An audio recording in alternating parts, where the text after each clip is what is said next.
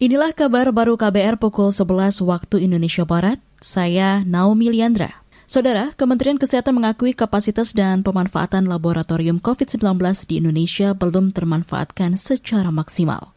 Kepala Badan Penelitian dan Pengembangan Kesehatan di Kemenkes Slamet menjelaskan, pada Desember lalu, dari 580-an laboratorium COVID-19 yang berkapasitas lebih dari 104 ribu tes, pemanfaatannya baru mencapai kurang dari 57 ribu tes. Artinya, pemanfaatan kapasitas laboratorium COVID-19 di Indonesia baru 54 persen jumlah laboratorium yang bertugas untuk menangani atau memeriksa COVID-19 jumlahnya 583 tersebar di seluruh Indonesia. Kapasitasnya adalah sebenarnya per hari laboratorium yang ada ini mampu meriksa 104.128 eh, spesimen. Kemudian yang digunakan saat ini rata-rata perharinya adalah 56.633 tes. Kepala Balitbangkes Kementerian Kesehatan Selamat menambahkan, saat ini lembaganya masih melakukan penelitian terkait penanganan pandemi COVID-19.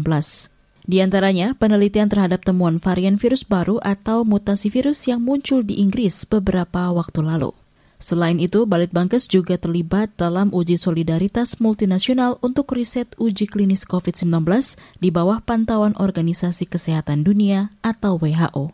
Kita beralih ke berita selanjutnya.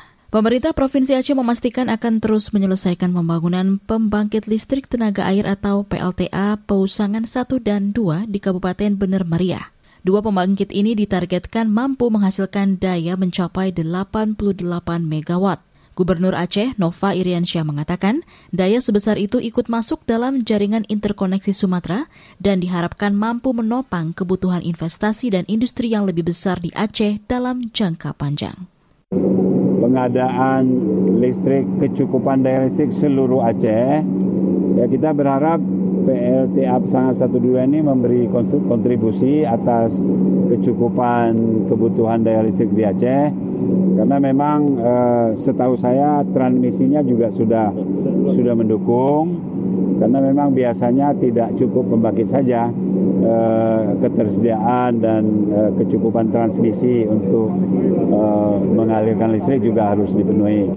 Itu tadi Gubernur Aceh Nova Iriansyah. Proyek PLTA Pausangan 1 dan 2 sebenarnya sudah dikerjakan sejak 1998.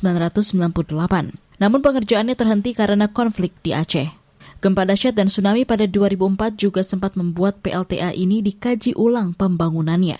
Proyek ini dilanjutkan pada 2011 lalu dan hingga kini belum selesai.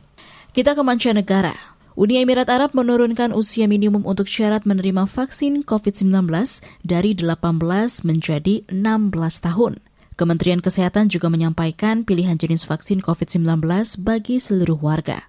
Warga bisa memilih vaksin produksi Sinopharm asal Cina atau vaksin buatan Pfizer BioNTech. Meski begitu, Otoritas Manajemen Bencana dan Krisis Darurat Nasional tidak menyebutkan vaksin produksi mana yang akan disuntikan pada usia muda yang baru direvisi itu. Hingga hari ini, jumlah kasus positif COVID-19 di Uni Emirat Arab mencapai lebih dari 250 ribu kasus. Jumlah kematian 700-an orang dan pasien sembuh sekitar 220 ribu orang. Demikian kabar baru KBR, saya Naomi Liandra.